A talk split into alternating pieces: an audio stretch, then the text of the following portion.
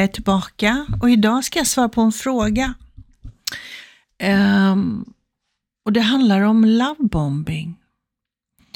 Det var en kommentar i, i Facebookgruppen där det är en person som skriver att skulle önska att eh, information om eh, lovebombingen, det rosa fluffet, lögnerna, att det spreds istället för bara en monsterbild. För det är det rosa fluffet som får oss alla att fastna.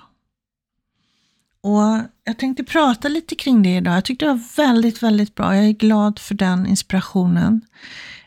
Um, och Jag ska ta med Fröken Medveten och Fröken Medberoende i det här. Jag ska ta med lite olika, hur det kan se ut. Så. Och vad vi pratar om när vi säger lovebombing så är det övergreppscykeln som alla narcissister använder sig av.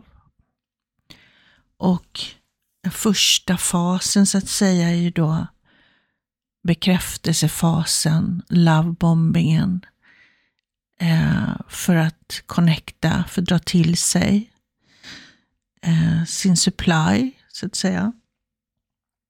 Och efter det så kommer någon sorts missnöje hos narcissisten. Den har inte riktigt fått det den behöver. Det är lite så här bad vibes, så att säga. Och sen kommer vreden, den narcissistiska vreden, som också kan se olika ut. behöver inte alltid vara utbrott och gap och skrik och eh, du vet, våld, utan det kan vara silent treatment, att man blir helt tyst, man bara, blir bara, bara ignorerar sin supply, sitt offer, den man vill straffa. Eller man kan försvinna. Det finns lite, lite olika sätt att göra det på.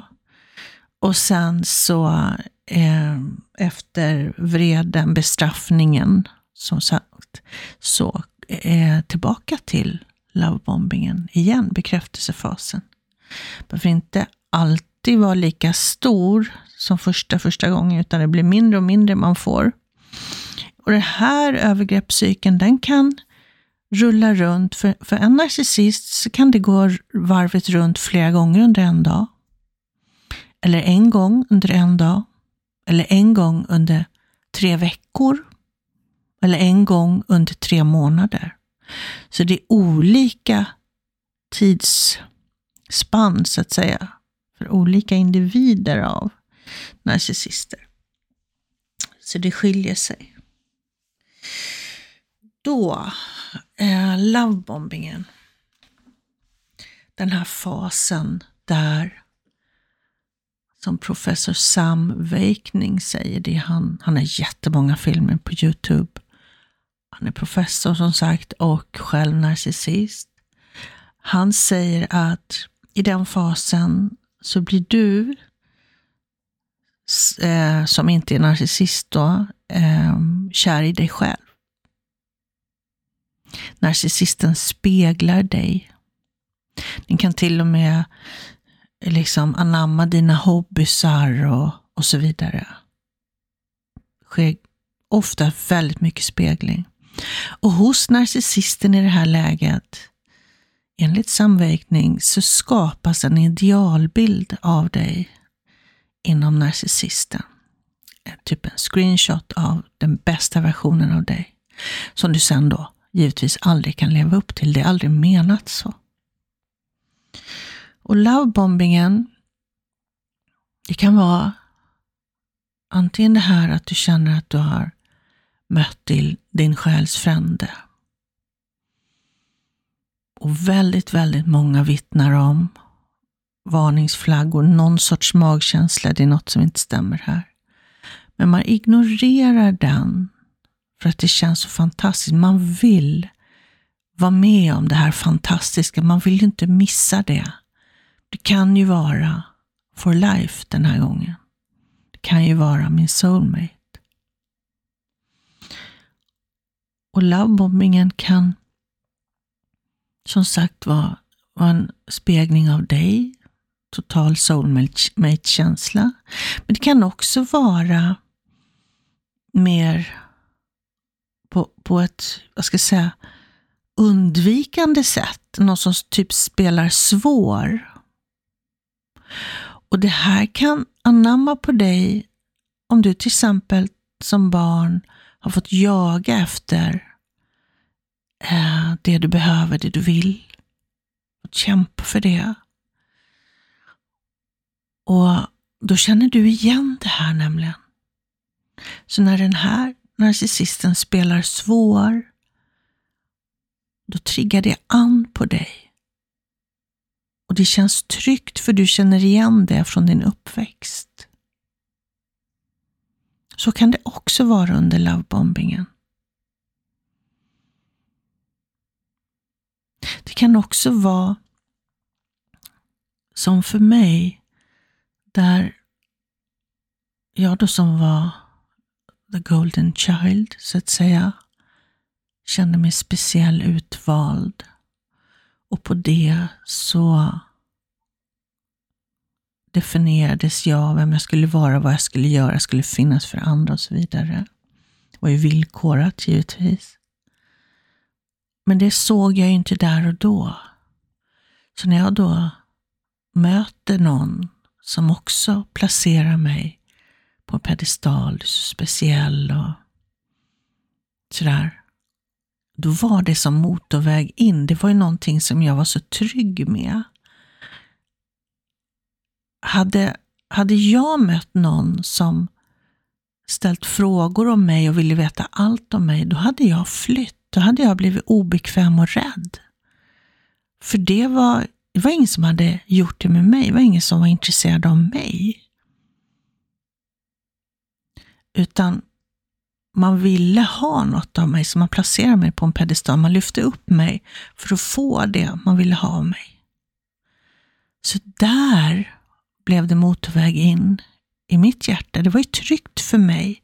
Det här kände jag igen, det här kan jag, det här är tryggt.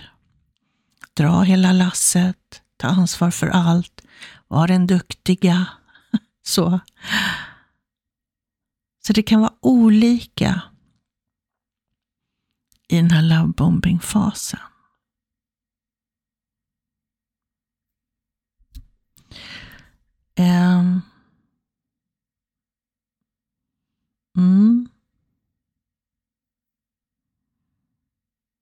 Som till exempel, då, nu ska jag ta exempel med fröken, eh, fröken medveten och fröken medberoende i det här. Och då tar vi det här eh, klassiska, eller det vanligaste när man tänker lovebombing, att eh, man blir speglad, är bekräftad, någon är intresserad av mig, den vill veta allt om mig. Verkar så intresserad av vem jag är som människa. Och den har samma intressen och så vidare och så vidare. Det behöver inte vara alla boxar på det här, men ni förstår vad jag menar. Så fröken medveten som är i kontakt med sig själv, som har ett högt värde, en bra självkänsla och som sätter gränser. Hon möter den här personen som vill veta allt om henne och du är så fantastisk och jag har jag har aldrig känt så här för någon annan. Du är så speciell. Och, eh, all den här bekräftelsen. Och vill veta allt om henne. Hon backar. Hon känner så här, vänta nu. Vad är det här? Vem är du? Vi känner inte varandra. Varför vill du veta allt om mig? Varför tycker du att jag är så speciell? Du känner inte mig. Hon drar liksom sig tillbaka och blir misstänksam istället. Så hon är alltså inte ett lätt offer för en narcissist.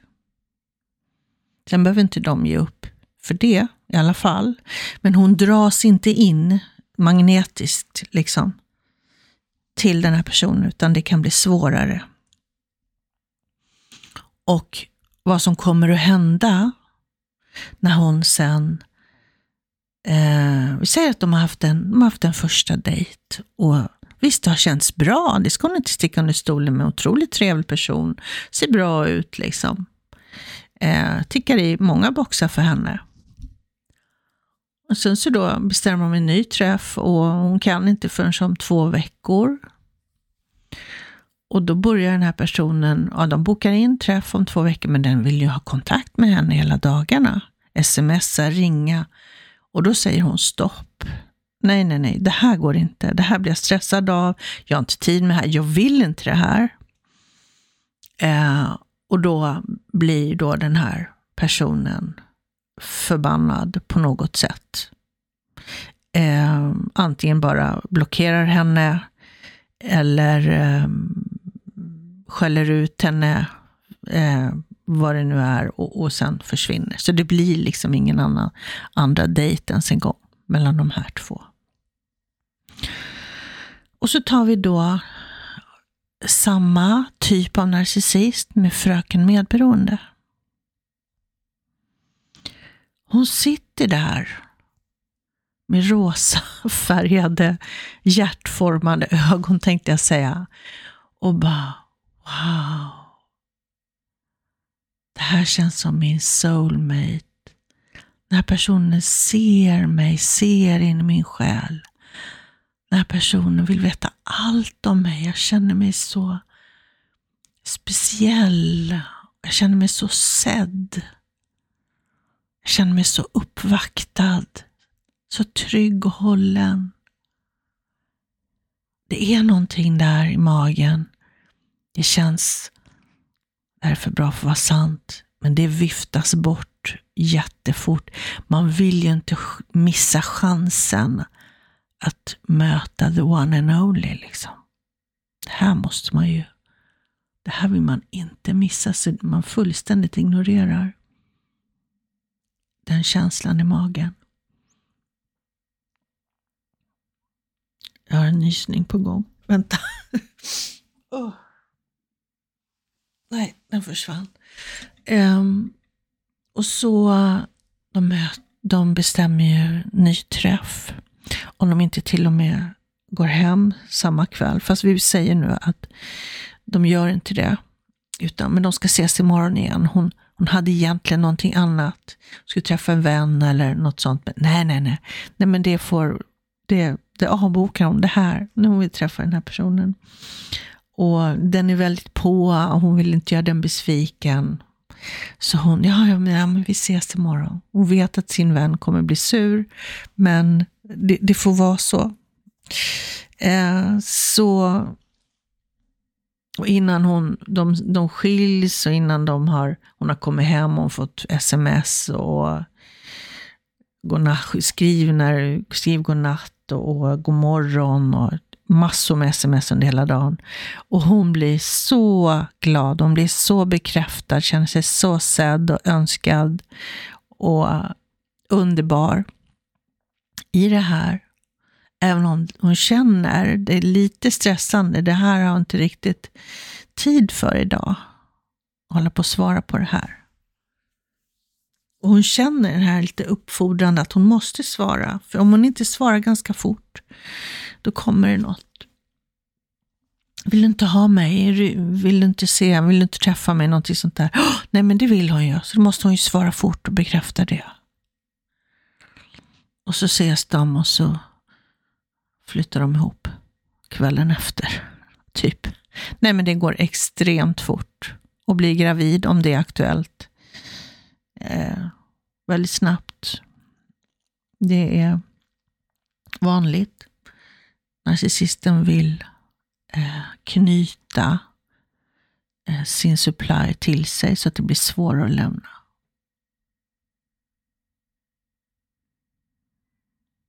Mm.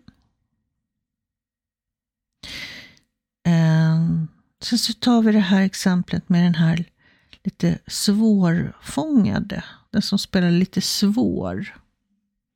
Den narcissisten. Och då är det så att den här narcissistpersonligheten är inte alls den här karismatiska, grandiosa, den som alla dras till, som är mittpunkten på fester och tillställningar. Utan den här är egentligen en grå person. De inte säger så mycket och ser inte alls bra ut egentligen. Och fröken Medveten har också en dejt då med den här personen. Och de har en trevlig kväll, inte så jättetrevlig. Um, för det finns inte någon kemi alls. Så det blir en kort kväll och det händer inget mer. Det blir ingen mer. Ingen av dem vill träffa varandra igen. Det finns ingen attraktion överhuvudtaget. Och så har vi då fröken Medberoende som ska träffa den här personen.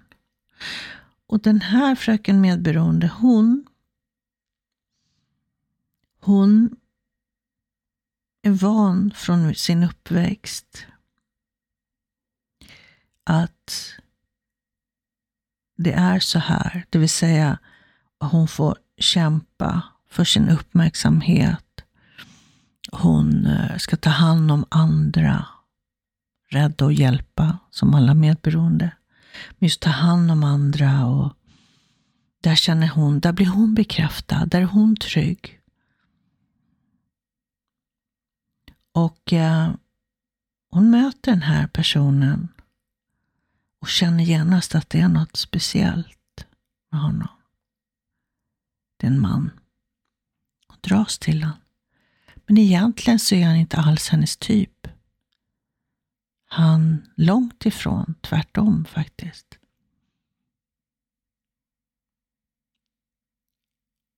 Men hon dras till honom. Och han han visar inte så mycket intresse heller egentligen för henne. Men han säger att ja, men vi skulle kunna ses igen, eller vad tycker du? liksom? Lite sådär, inte jätte, jätte på, men jag kan nog tänka mig eh, om du vill det. Så hon bara, ja, nej, men absolut. Och de, de bokar en ny träff eh, någon vecka senare.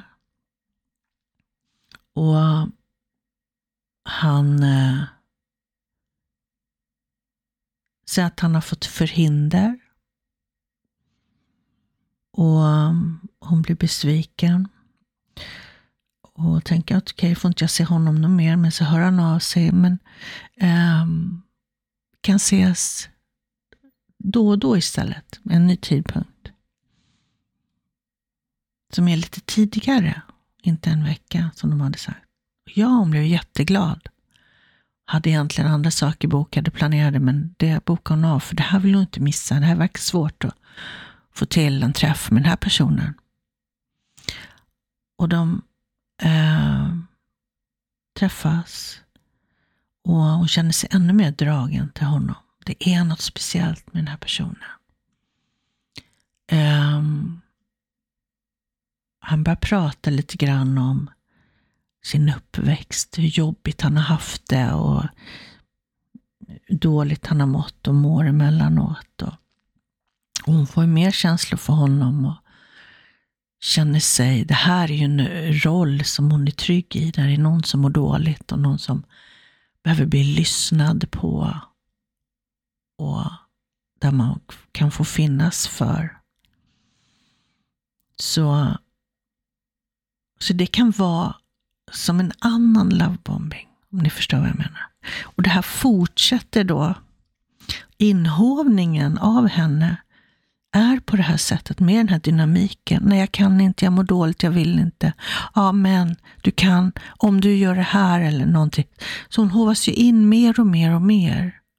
Och känner sig mer och mer viktig och blir bekräftad att den här människan behöver mig, jag får rädda, hjälpa den den mår dåligt just nu. Så alla hennes varningsflaggor och det här, det, det struntar hon fullständigt i. Det är någon som behöver henne. Det är liksom det hon går in i. Jag kan hjälpa en person. då ska jag göra det. Så hon hovas in på det sättet. Det är olika sätt, men det blir samma resultat. För de här personerna, narcissisterna, använder ju övergreppspsyken. Som jag berättade om i början. Lovebombingen, bekräftelsefasen. Missnöjd, den har inte fått, eller man har gjort någonting som narcissisten inte tycker att man skulle ha gjort. Man har tagit eget beslut eller något, vad som helst. Träffat någon kompis, kan vara träffat en förälder, en släkting. Det kan vara vad som helst så blir den upprörd på något sätt och så bestraffas man på något sätt. Varmt och kallt, varmt och kallt. Och Det är det här som skapar traumabindningarna, som gör att det är så svårt att lämna.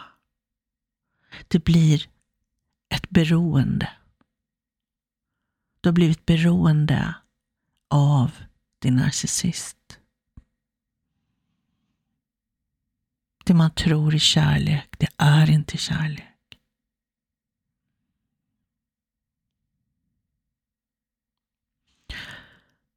Um, och Narcissister finns ju i, i alla former, tänkte jag säga. De är också olika personligheter och eh, vi stöter på dem på arbetsplatser, som grannar, vänner och så vidare. De finns överallt. Och varningstecken det kan vara till exempel att och det är bara dig jag litar på. Jag har bara dig.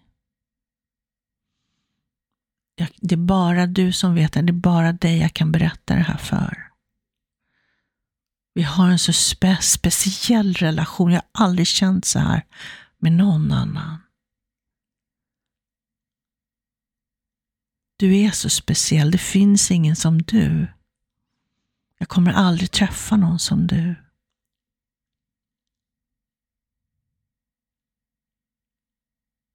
Ja, det kan, men all, liksom det här, det går, kan fortsätta om och om, om igen. Allt det här. Och och det bekräftar oss, vi som är medberoende, vi bara sugs in i det där. Det är nästan som att man har ingen motståndskraft.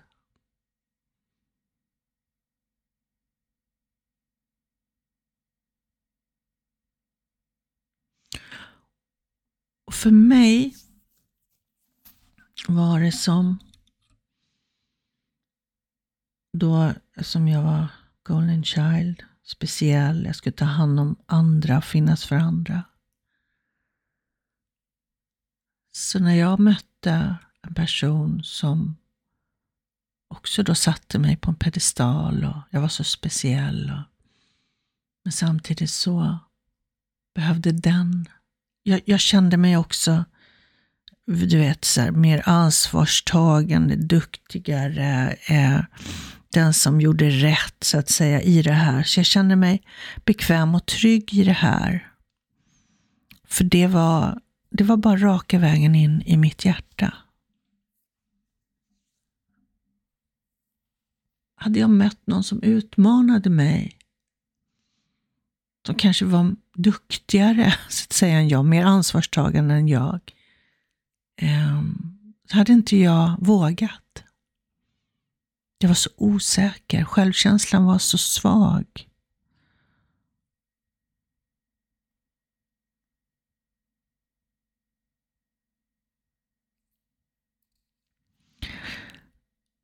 Så det som får oss att liksom sugas in i det här, det är dels traumabindningarna som vi har från vår uppväxt. Varmt och kallt, varmt och kallt, vi vet inte. Det finns en osäkerhet i det här, i relation till det här, som skapar traumabindningarna. Så det är inte bara medberoendet som gör att vi har den här magnetismen så att säga till varandra, narcissister och medberoende, utan det är också traumabindningarna. Vi tror att det är kärlek. Det känns så starkt. Men vi tror det för att vi känner igen det här från vår uppväxt. När dynamiken, den här energin, den känns trygg. Wow! Fantastiskt. Men det är inte det.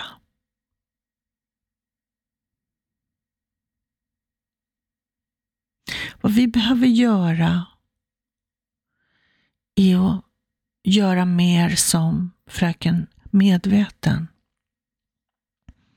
Känna in och bejaka och lita på de här varningsflaggorna. Vad är det här egentligen?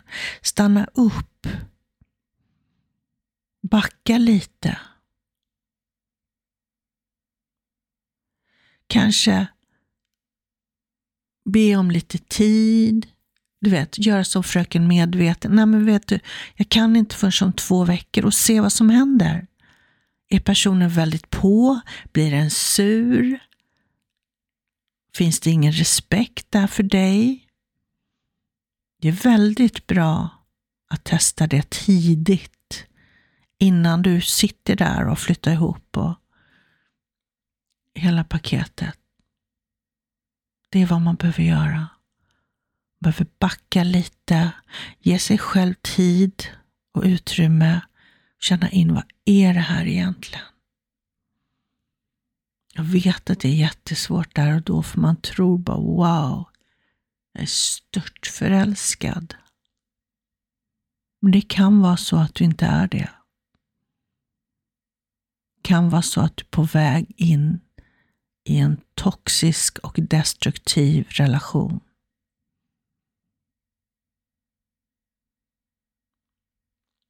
Där du aldrig är tillräcklig oavsett vad. Eller där du får dra hela lasset för familj och ekonomi och allt.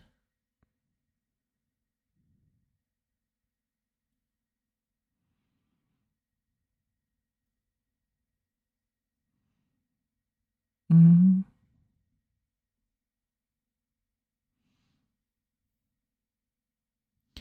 Ja, jag tror att jag eh, känner mig nöjd så.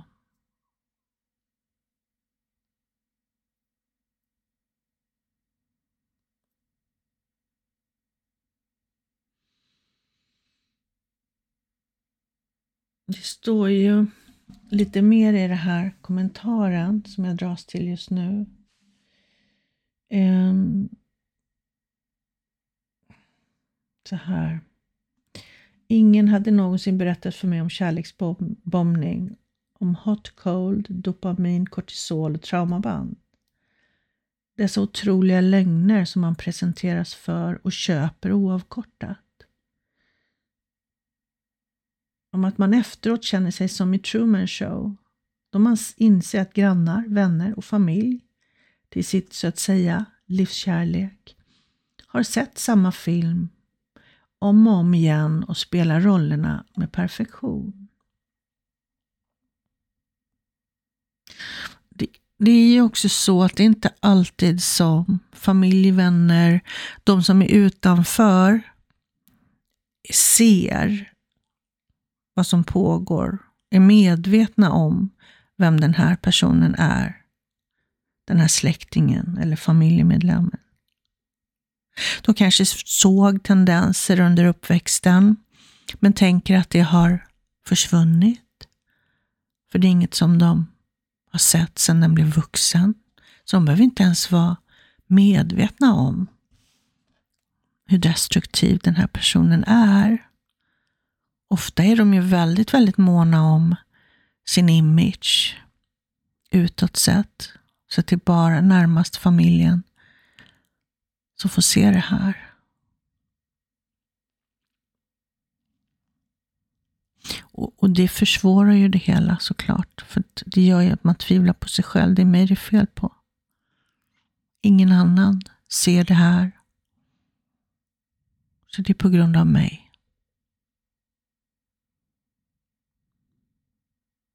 Det är därför det är så fint med Facebookgruppen som heter som den här podden, Fri från narcissister.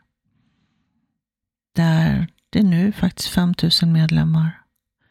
Och det är en väldigt aktiv grupp. Det är aktiva medlemmar som skriver och undrar och söker stöd och råd. Och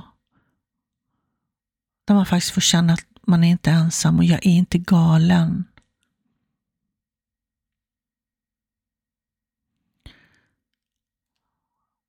Ja. Och är det så att du har en fråga som du vill att jag ska svara på så skicka ett mejl till mig, helene.helenelilja.se.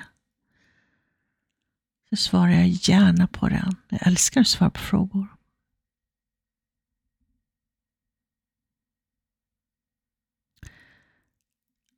Ja, jag hoppas att det här var ett bra svar eller en bra information om lovebombingen. Om det har väckts frågor i dig angående det här kan du också eh, mejla till mig så kan jag göra en fortsättning på det här om det är så att det behövs redas ut lite frågetecken.